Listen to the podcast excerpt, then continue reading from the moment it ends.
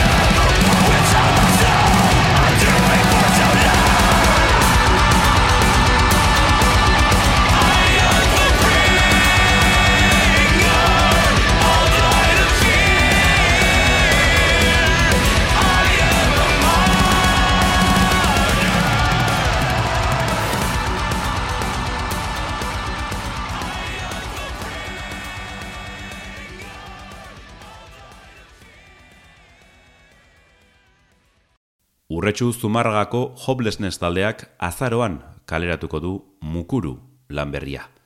Death Doom metal melodikoa jorratzen jarraitzen dute, eta hildo horretakoak dira bost abesti berriak. Dena dela, Euskaraz eta Latinez abestera pasa dira oraingoan. Igor abeslari hoiaren laguntza izan dute lana borobiltzeko. Hau duzue aurrerapena, lur atxekabetua.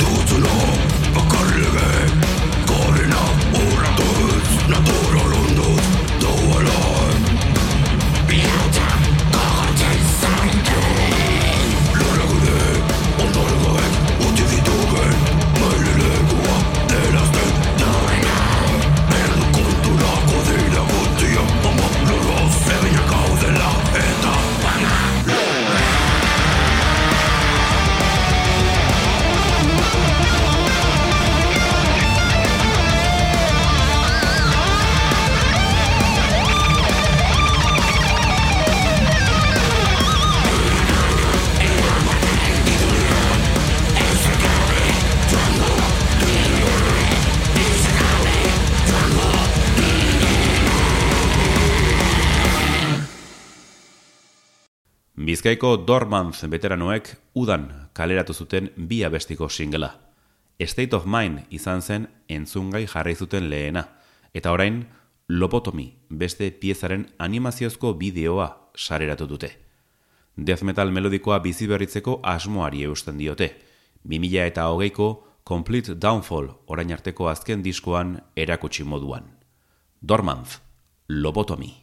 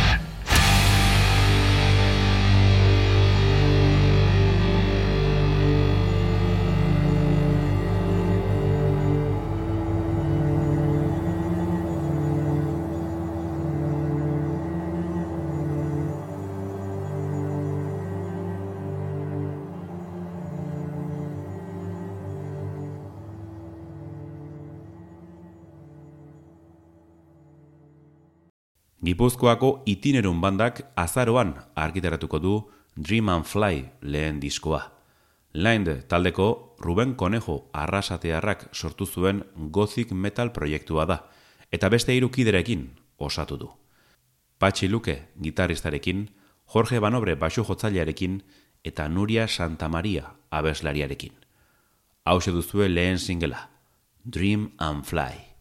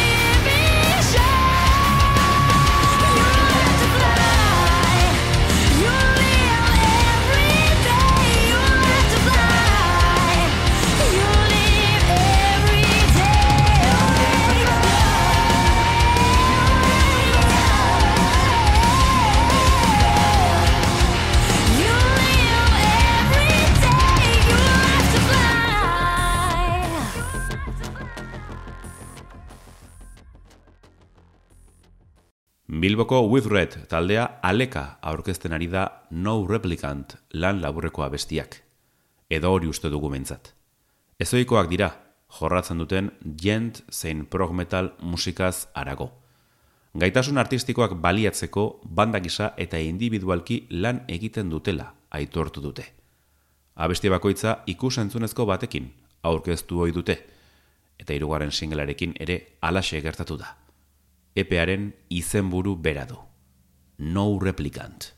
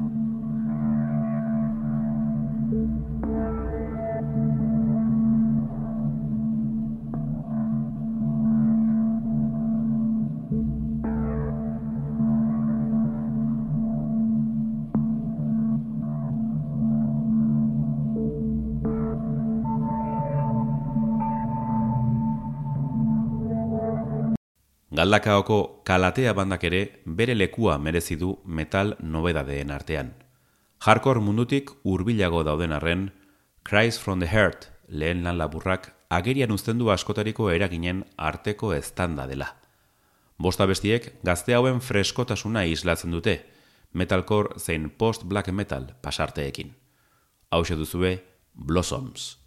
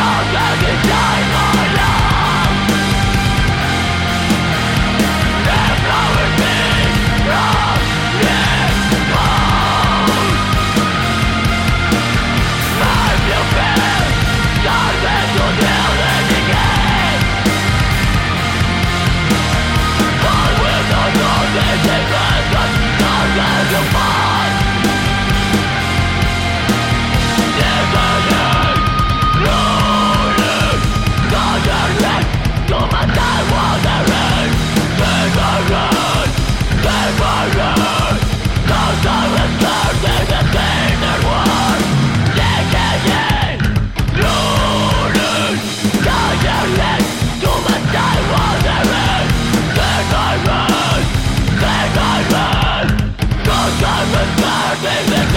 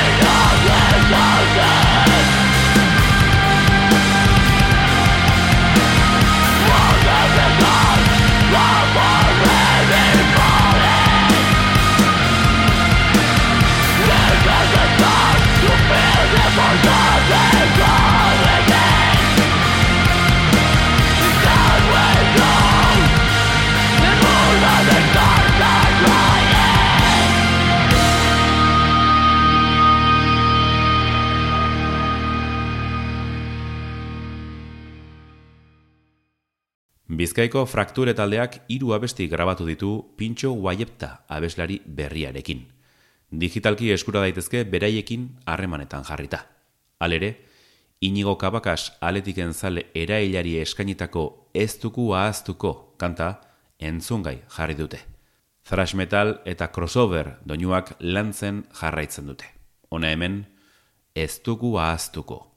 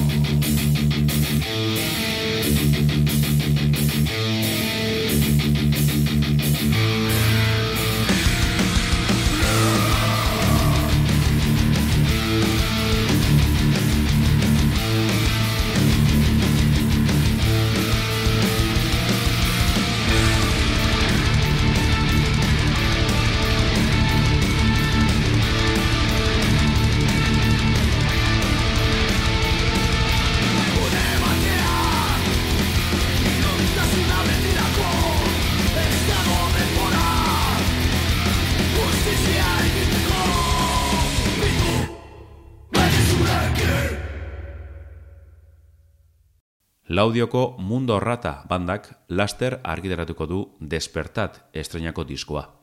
Laukoteak dioenez, beraien eraginak larogeiko eta larogeita amarreko muturreko metal taldeak dira. Besteak beste, Exodus, Creator, Destruction eta Death. Erreferentzia horiek oinarritzat hartuta, gaztelaniaz abesturiko amaika pieza bildu dituzte lanean. Aurreratu duten abestietako bat duzue ondorengoa. La vida en un reloj.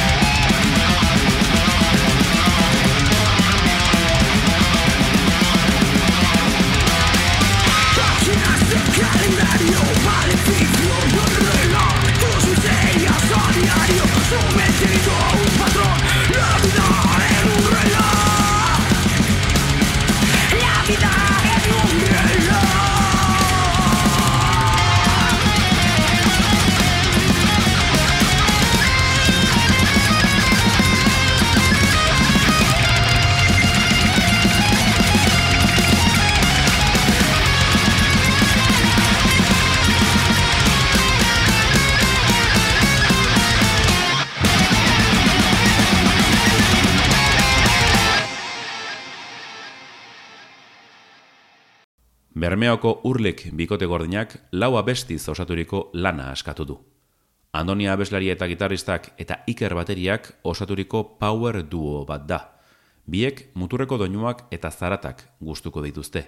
Eta kantetan, crust, greencore, black metal eta hardcore zertzeladak topa daitezkeela diote. Belarria zorroztu beharko duzue beraz. Hau duzue, suge beltzak.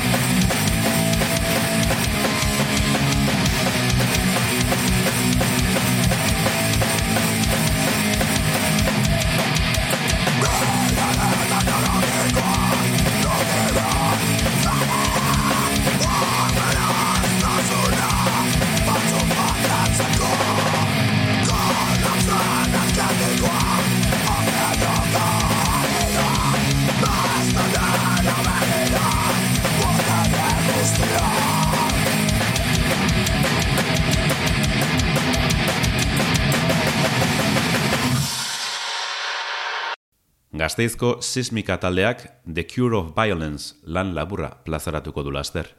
Musika eta irudia indartzea erabaki dute, ikusentzunezkoen bidez. Horregatik, bideoklip ero xamar bat aurkeztu dute aurrerapen moduan. Nekrotek banda industrialean ibilitako alber musikariaren abentura berria da, eta horrengoan groove metalaren alde egindu. Saioa bukatzeko Sixmika gazteiztarren single berria entzungo dugu. Voices Inside My Head. Urrengora arte, metalzale.